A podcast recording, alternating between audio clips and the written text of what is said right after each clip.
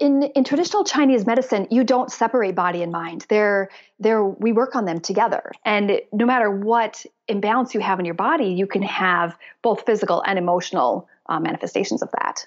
Your mind can be your most valuable asset or your biggest liability, and you get to choose. This is the Building Psychological Strength podcast, where we explore ways to build resilience build confidence, and make our minds work in our favor. We draw from the fields of psychology and life design to help us intentionally create a rock solid mindset upon which a vibrant life experience can be built. My name is April Seifert. I'm a psychologist, a life design strategist, and co founder of Peak Mind, the Center for Psychological Strength. Each week, I'll introduce you to an expert a concept, a technique, or a hands on practice that will help you build psychological strength in your own life. These are the tools to help you thrive.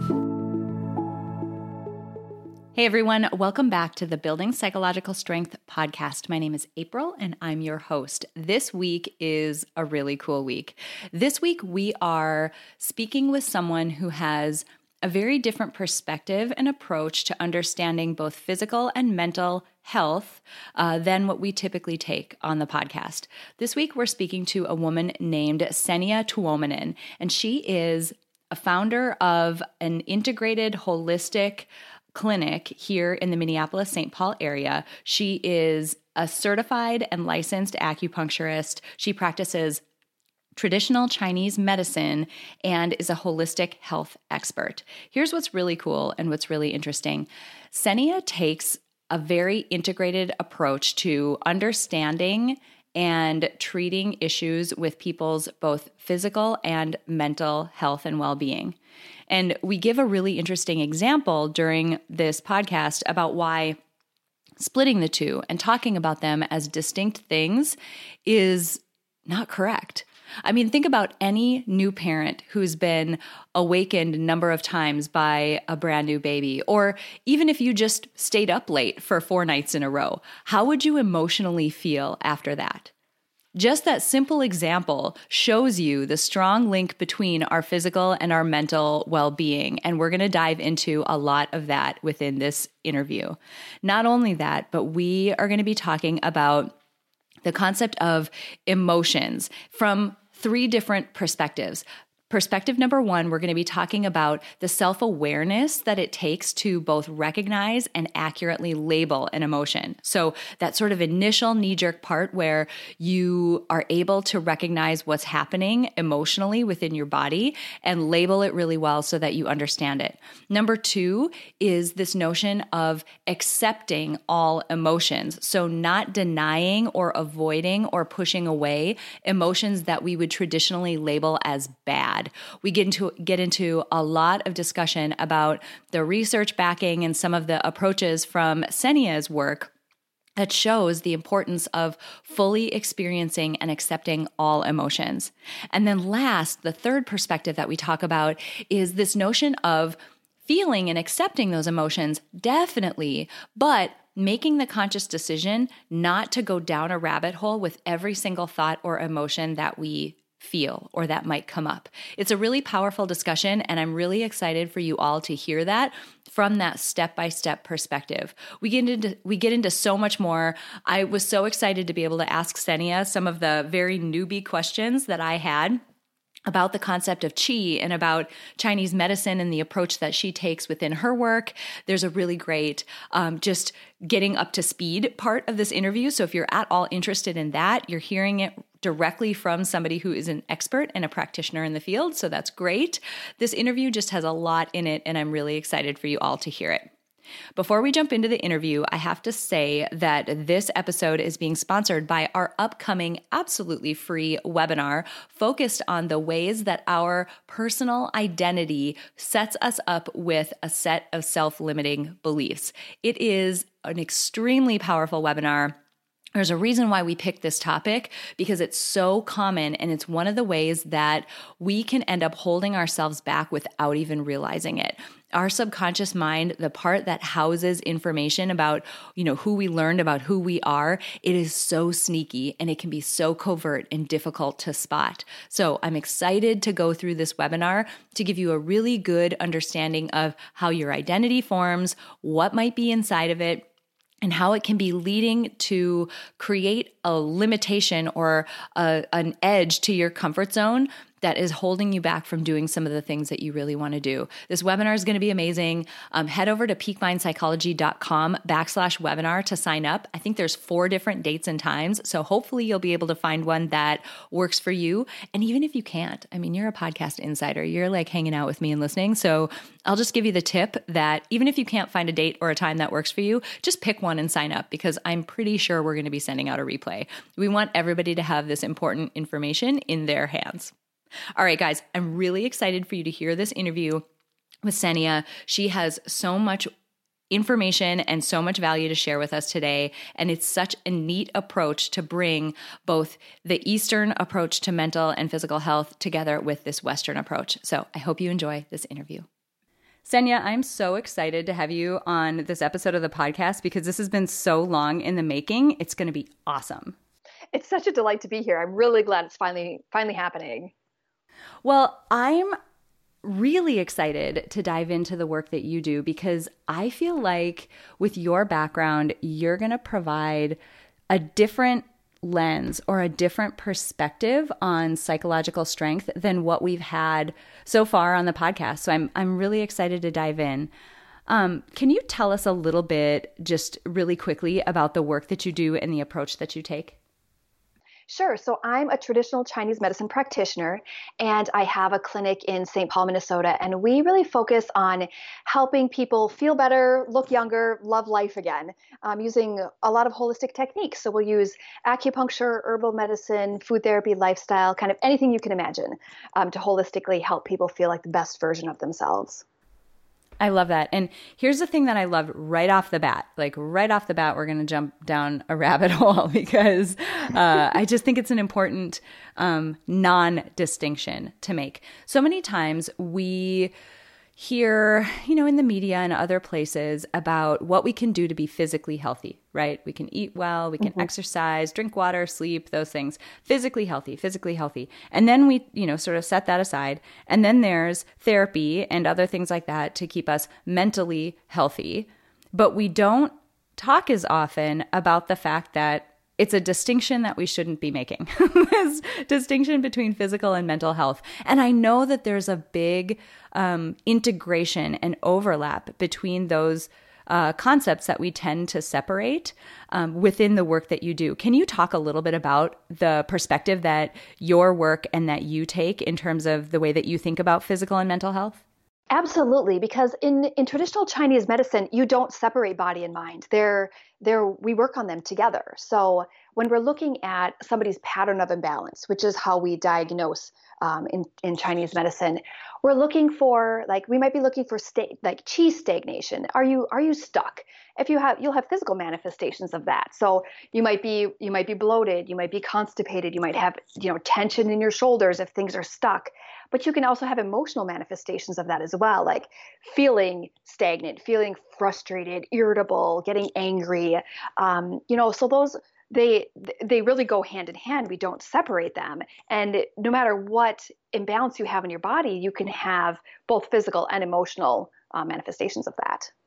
That's so important to keep in mind. And it was it was sort of a joke that we were making before we hit the record button. You know, we started chatting a little bit about this notion of how interconnected our physical and our mental health is. And the joke that I made was all you have to do is just don't get enough sleep for like three or four days in a row and see how you emotionally feel. Or have a baby, like have a baby and stay up for, you know, those first few weeks are just so difficult because you're not sleeping.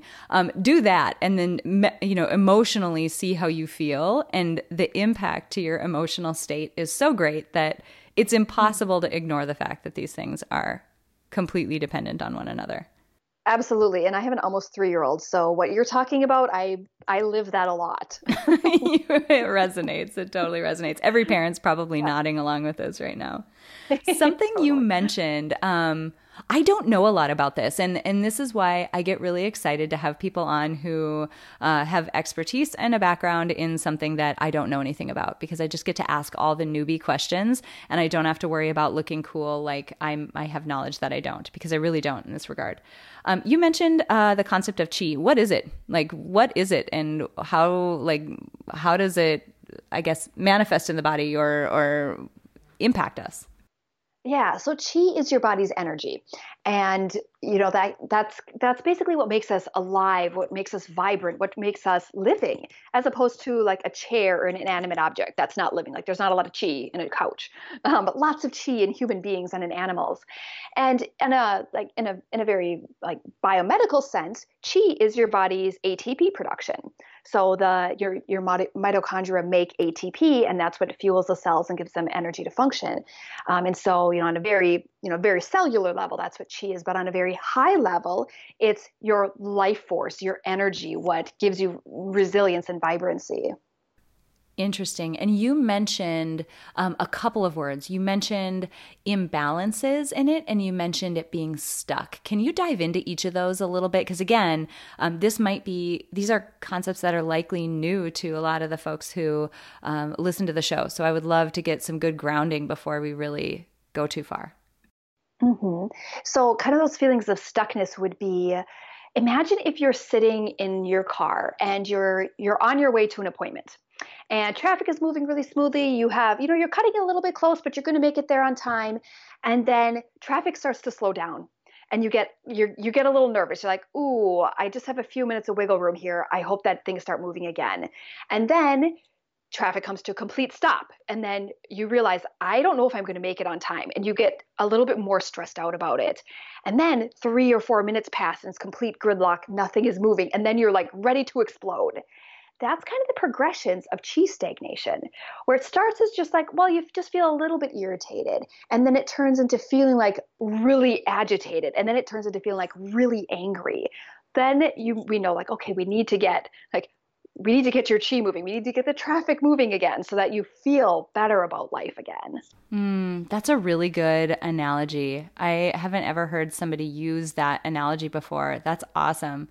Um, how does that you, you know you kind of mentioned it just now with with this analogy but how does all of the work that you do support somebody in just the day to day way that they experience um, mental health? And by that, I mean, you know, we talk a lot in Peak Mind about how the way that we experience life is always through the lens of our own minds. Like we have our own sets of beliefs, we have our own sets of biases, everybody does. Uh, we have our own just lens that we experience the world through. So, two people with each with their own unique lens could show up in a in a, the same exact circumstances one person could have a great experience and another person might not just simply from the fact that they, you know, the person who had a great experience is sort of biased and tends to notice really positive things, tends to gravitate toward really positive things, and the other person doesn't. So, um, is there a connection there at all around the way that we might experience our day to day life and our sort of emotional state um, that connects to some of the some of the examples you gave? Sure, because depending on what our pattern is, we might we might go through the same, you know, the same stressor, and we might respond to it in completely different ways. And so, some people will get very, um, they'll get very discouraged, they'll get very depressed if something isn't going well. Other people will get very angry. Others will get very manic, where they they frantically want to try to work and, and get something, you know, to try to improve it. Other people might get really worried or feel really fearful. So, depending on what your kind of underlying constitution is, that can affect how you experience things in your day to day life. If you're like most people, your mind isn't always your biggest cheerleader. Do any of these thoughts sound familiar? people like you can't do things like that. Come on, who do you think you are? Do you really think you'll be able to keep it up, even if you do succeed at first? Our minds send us a constant stream of thoughts throughout the day, and not all of them are helpful or even true. In reality, a good chunk of those thoughts are mental habits or assumptions that formed long ago, and they don't do us any favors, especially when we're trying to go after something big. These thoughts are self limiting beliefs, and unfortunately, they're way too common. If you've ever experienced self limiting beliefs, we've got the free webinar for you. In mid December, Peak Mind will be hosting an absolutely free live webinar focused on helping you understand where those self limiting beliefs come from and why they're so influential over you. We'll dig deep into the science of identity and we'll help you spot those beliefs and see them for what they are a set of unhelpful assumptions that you don't have to follow. Head over to peakmindpsychology.com backslash webinar to register. Imagine what your life would feel like if you didn't have those thoughts and beliefs holding you back. How big of a goal would you set? How much more confident would you be? What do you think you could accomplish? Join us live and absolutely free. Registration is required, so head over to peakmindpsychology.com backslash webinar to sign up. Your limitless future starts now. We can't wait to see you there. Hmm, that's such a big connection over into so much of what we talk about. As I mentioned, you know, this lens through which you see the world, um, it, it's incredible how different people's experiences of the same exact situation can be. Um, it sounded like before that, you know, as you were talking about sort of these stages of, you know, chi being stuck or feeling like you're stuck and sort of the progression that you can go through. Um, it reminded me of another concept that we talk about a lot in um, in our membership. Actually, we talk about a lot how our body and our minds send us thoughts, feelings, bodily states a variety of different things. We're constantly being sent these signals, whether it's in the form of a thought around, oh, I, I don't think I should, you know, I don't think I should do that activity. I don't think I'd be very good at it. Um, or it could be an emotion, like for some reason, a particular situation you're in triggers an emotion of fear, or it could be a bodily state, like a heaviness feeling in your chest or a tightness in your shoulders or in your brow or something. We talk a lot about all of those things being um, being things that happened, right? They're just a thing that happened, but we can add an extra layer of um, we can add an extra layer of almost emotion or meaning on top of them that takes an otherwise uh, fairly benign situation and magnifies it. So, that sense of fear, for example, you might feel afraid before you go give a presentation at work. But by concentrating on that fear and really going down the rabbit hole with it, you go from the point of being, wow, I'm kind of afraid to give this presentation to potentially all out panic around the thought of having to do it. It sounded like your description of, you know, the traffic is very similar in that regard that there can be this um, this notion of attaching to that emotion and f- sort of following it down the rabbit hole um, that is similar between the approach that you take to this work and what uh, the work that I studied. Mm-hmm. Yeah, absolutely. And and I think that that's one of the things that I love about doing acupuncture specifically because it really gets you in touch with the physicality of your emotions. And really when when people receive acupuncture, they get so much more in touch with what's happening in their body and I deal with a you know a lot of anxiety and stress in my clinic because you know most most people are coming in with some level of that, if not a lot of it. And when you get acupuncture, it settles your whole nervous system down.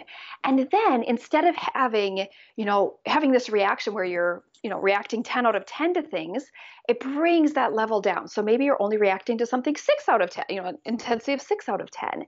And then over time, you it's maybe more like a 3 out of 10.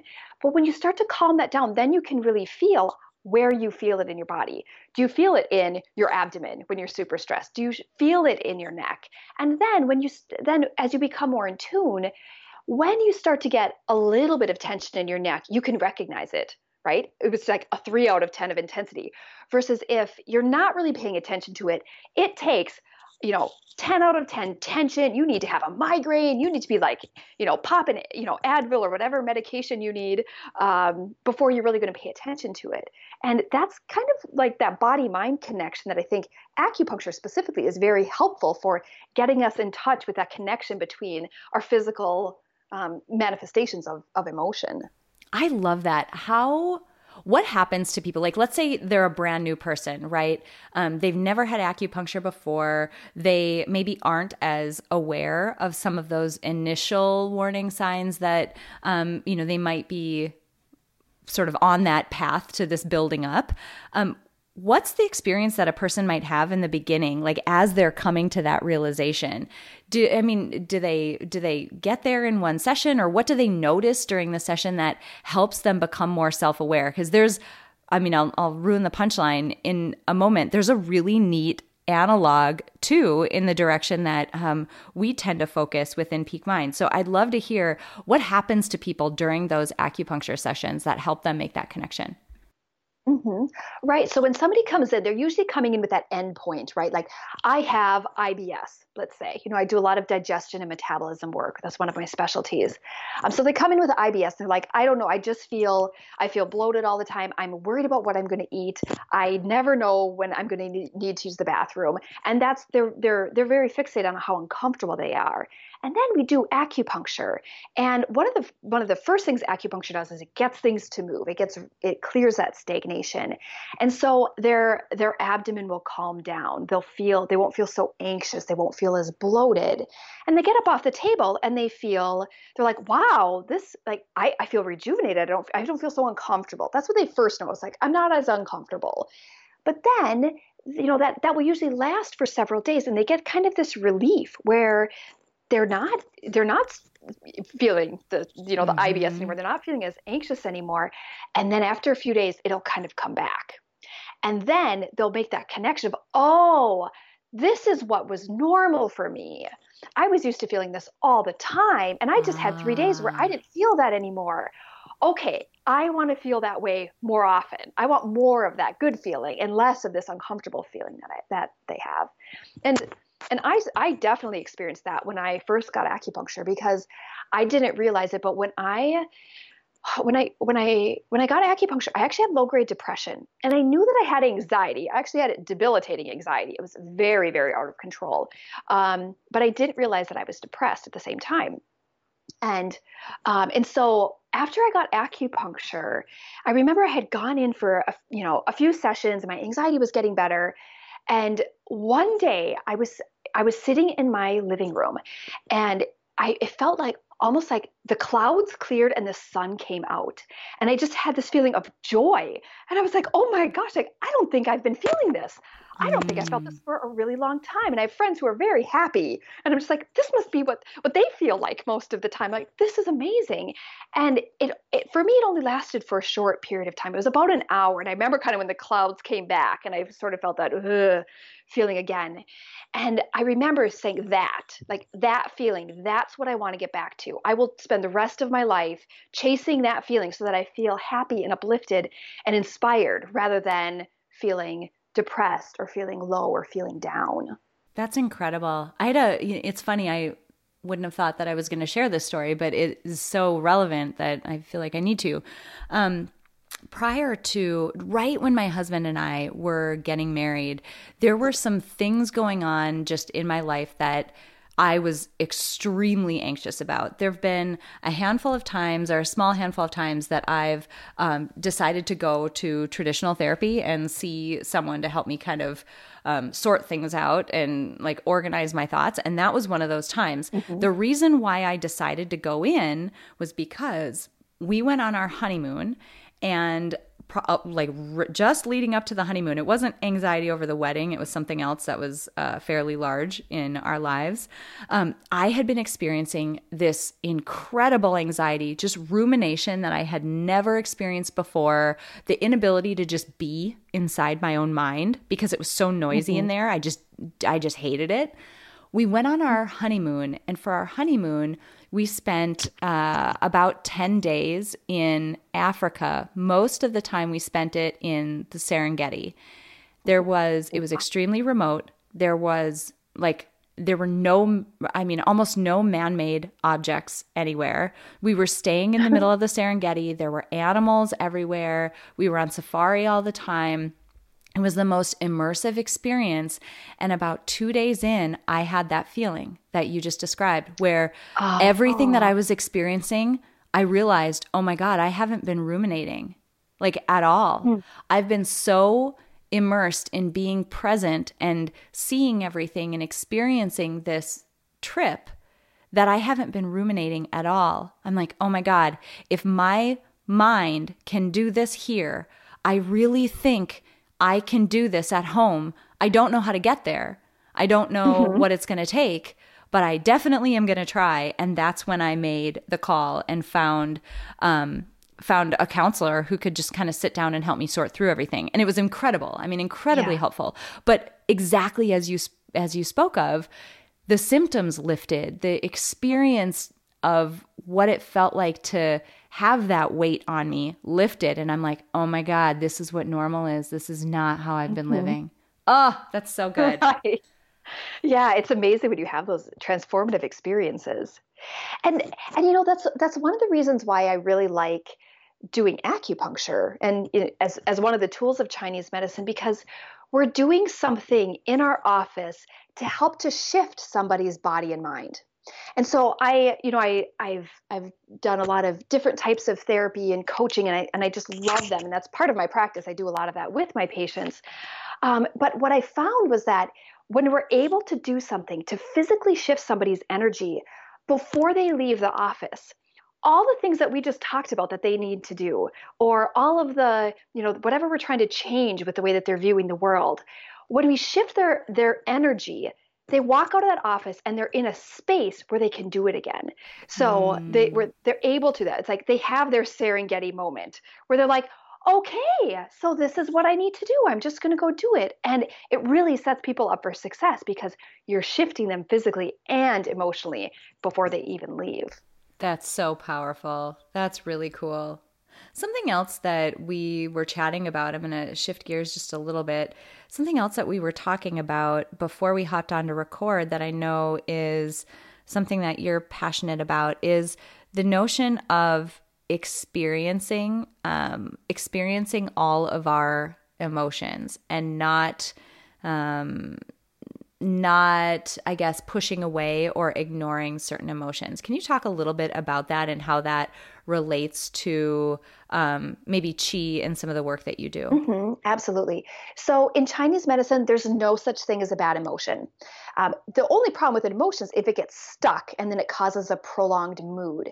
But a transient emotion, none of them are bad emotions, um, and each of them will affect us in a, uh, will affect our chi or energy in a different way. So, for instance, if we're angry, that causes our chi to rise up. Like picture somebody's face getting red or their ears ringing, you know, when they're angry. Um, when we feel afraid, that causes our chi to descend. It goes downward. Like you might have loose bowels when you're in a, a haunted house, or like you might, if you're nervous, you might feel like you need to go to the bathroom. Um, if you have like um, overjoy, like too much joy and excitement, can cause your energy to just get really frazzled. Um, and worry can cause your chi to get sort of like knotted up in your stomach. And then grief, which I think is really interesting, grief um, causes your chi to just poof disappear. Like you feel fine, and then something you know triggers grief in you, especially if you've lost recently lost a loved one. Something reminds you of that person. Boom, you're just leveled. You're like you're exhausted. You can't do anything for the rest of the day. And so, kind of knowing what those what effect those emotions have on your energy can also help you to identify like, okay, well, which ones of these am I having a lot, and what do I need to you know what do I need to be careful of? Of how can these affect me over time?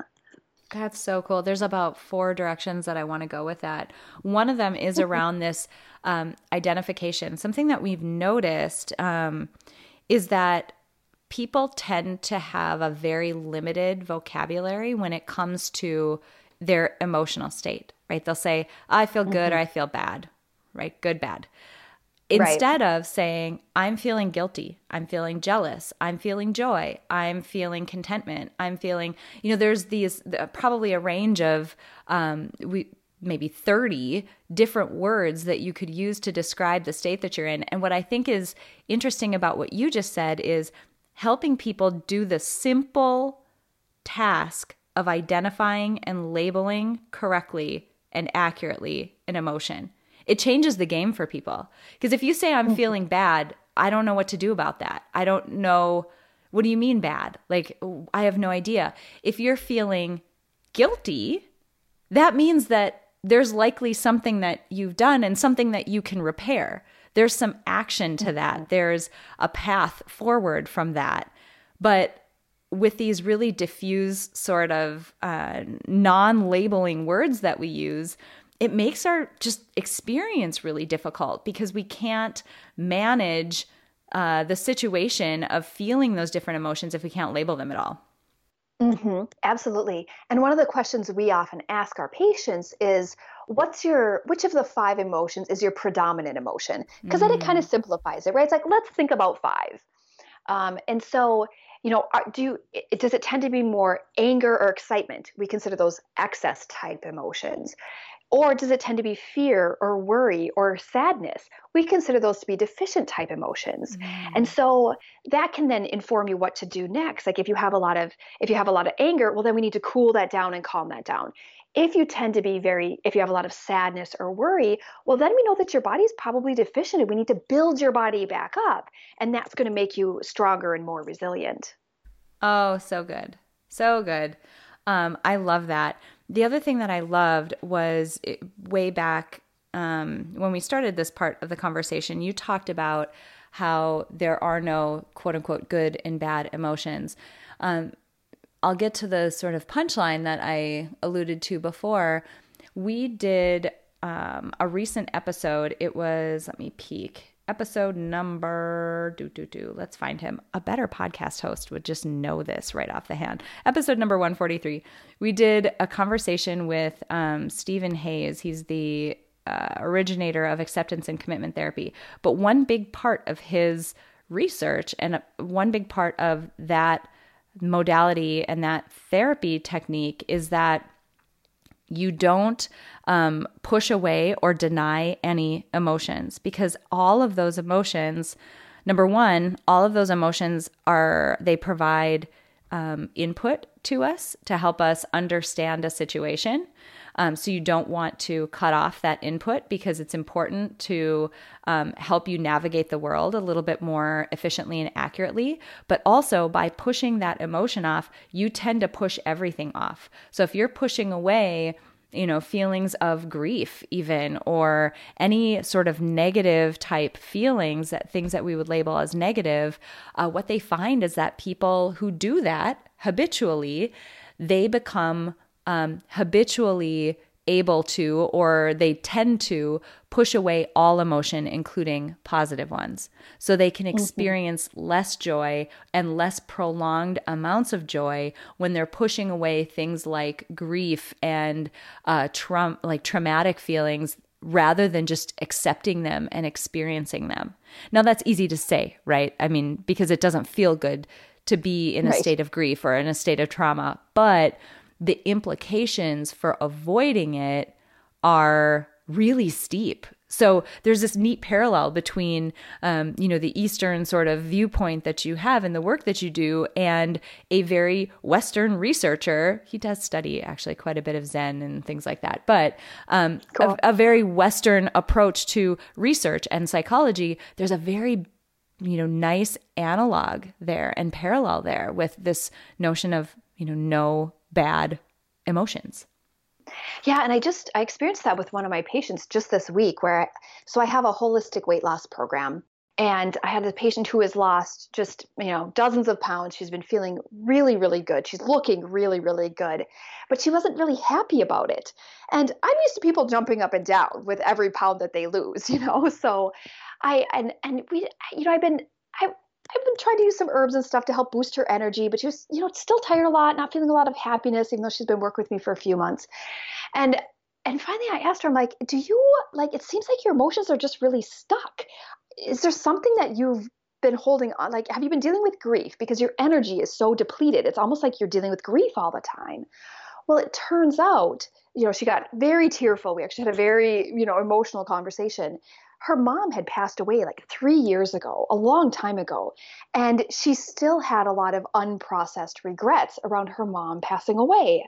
And so she's, you know, and she, you know, she was, she actually, she started crying in my office. I was like tearing up with her. Like it was just this really, like it was this really important breakthrough. I'm like, I'm like, look, like, yeah, this you this is something that we that you need to address because you're not able to feel joy because the sadness is it's taking all of your energy. It's getting everything is getting stuck in your body because of this overwhelming sadness. So you need to address that. And and you know then you're going to be able to feel joy and happiness and excitement again. And then you're going to want to celebrate like how amazing you look. Mm. but i really mm. want to get you there whatever it takes to get you there. That's beautiful. That is beautiful it's it's interesting. We've kind of talked about two steps of sort of a three-part say journey that I want to make sure that we hit on and make sure we complete. We talked about this initial step of um, recognizing or being self aware enough to recognize and label an emotion or um, even just a bodily feeling that you're having or thoughts that you're having. So, that self awareness and the recognition is a really important step. That second one is the acceptance of it, right? The, the, yep, this is what I'm having, and I'm going to choose to not deny it and push it away and avoid the situation. I'm going to accept it. But then there's a third step where you almost in in a lot of cases have to make a conscious decision to not go down the rabbit hole with it or in you know the the words that you were using allow it to become a mood that persists um, all the time. Can you talk a little bit about that stage? Because I feel like we've done a good job of fleshing out the first two, but I want to make sure people get that last piece because you don't have to go down the rabbit hole with every single feeling that you have. Mm-hmm. Absolutely. And here's where Chinese medicine gets really cool because I talked about kind of those the five main emotions. There there are more of them, but the five main ones. Well, each one of those emotions, if if we have too much of it, if it gets stuck in our body, will damage a different organ system. So, like grief will damage your lungs, so that can create respiratory issues, that can create immune problems. Um, anger, it can damage your liver, that can affect your ability to detox. Um, overexcitement over like too much joy too much mania can can damage your heart over time. Like think about people who are like super excited about all the projects they're working on. They're really stressed about them. Well you know then you know 30 years down the line they're having heart issues. Um, worry can affect your digestion. It can damage your digestion. You're mentally digesting too much so you can't physically digest very much anymore. I see this a lot in ibs um, and then fear can damage your kidney system and affect your bladder as well. Um, so so it, it's it's really important not to have those emotions um, stick around for too long. Like we want to we want to feel that we want to process them, we want them to move on because otherwise they can cause prolonged damage. And so when we when we're kind of looking at the symptoms that somebody's experiencing in Chinese medicine, we want to look at okay, well, what organs are being affected here? Because mm. there might be a hmm. long-standing emotion that you haven't been addressing that that we need to we need to take care of at the same time as like physically and energetically shifting things for you. That's interesting. This is all I feel like I understand. Not only do I understand this approach and your work a bit more, but it's so interesting how uh, just how many parallels there are between the approach that you take and just everything that you know I know about the field of psychology it's almost like you know these two these two disciplines were studying the same thing and gave them different names or you know pointed yeah. at the same mechanisms and just talk about them in slightly different ways but they really are targeting uh, the same experiences the same experienced um, emotions and thoughts and and whatever that we all have day to day. Mm-hmm. And they're universal. They're timeless, right? So you know when you talk about psychological research, you know probably published studies have been around for 100 150 years but I mean, Chinese medicine has been around for 5,000 years. So, I mean, the, the emotions that humans experience have they're they're universal. They've been around for for ages, mm-hmm. and it's just you know different types of medicine look at it in a slightly different way and describe it in in in different ways, and yet it's still like the same fundamentals. So cool. From that perspective, then, I would love to hear the way that you think about psychological strength. Like, from the perspective of the work that you do, what does it mean for a person to be psychologically strong? Well, I think that somebody who's psychologically strong has a very they have a very balanced mind their mood is balanced as well and they they're very clear on what their purpose is and when you have that kind of body mind spirit combination all together then you're able to roll with whatever comes your way because i think what's the like when somebody is very psychologically strong, I feel like they're able to live the biggest possible life that they dream of. They're not held back by physical, emotional um, issues that are that that can limit them. They can really be the best at whatever they want to be the best at, whatever their purpose is here on this earth. Mm, so good. Totally agree. I totally agree.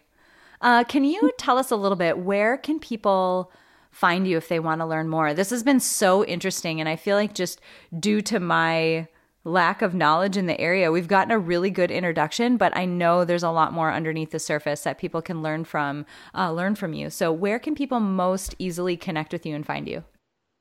Probably the easiest place is on our website. So, my clinic is Healing Insight, um, Acupuncture and Holistic Medicine. Our website is healinginsightonline.com.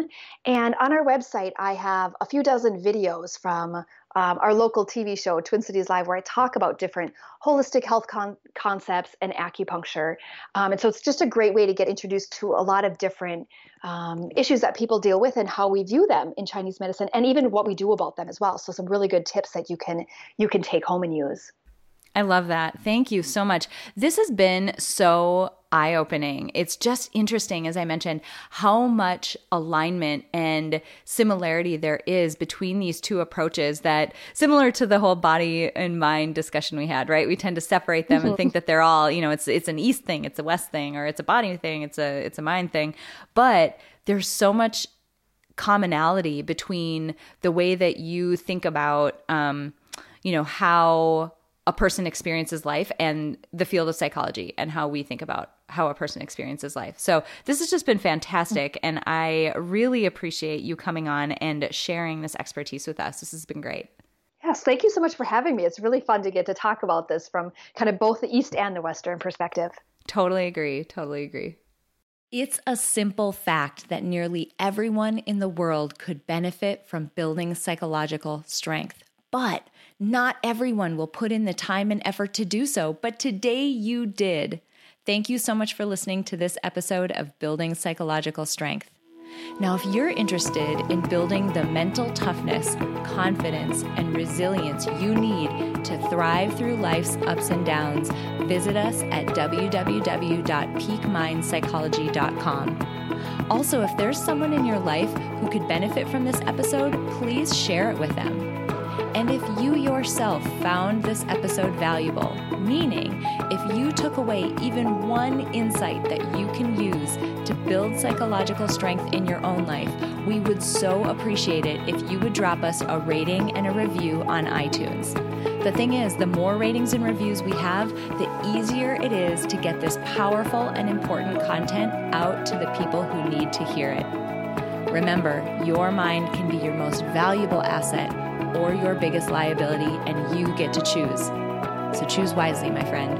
And I'll see you next time on Building Psychological Strength.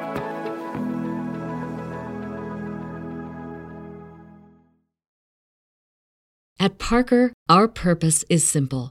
We want to make the world a better place by working more efficiently, by using more sustainable practices, by developing better technologies. We keep moving forward. With each new idea, innovation, and partnership, we're one step closer to fulfilling our purpose every single day. To find out more, visit parker.com/purpose.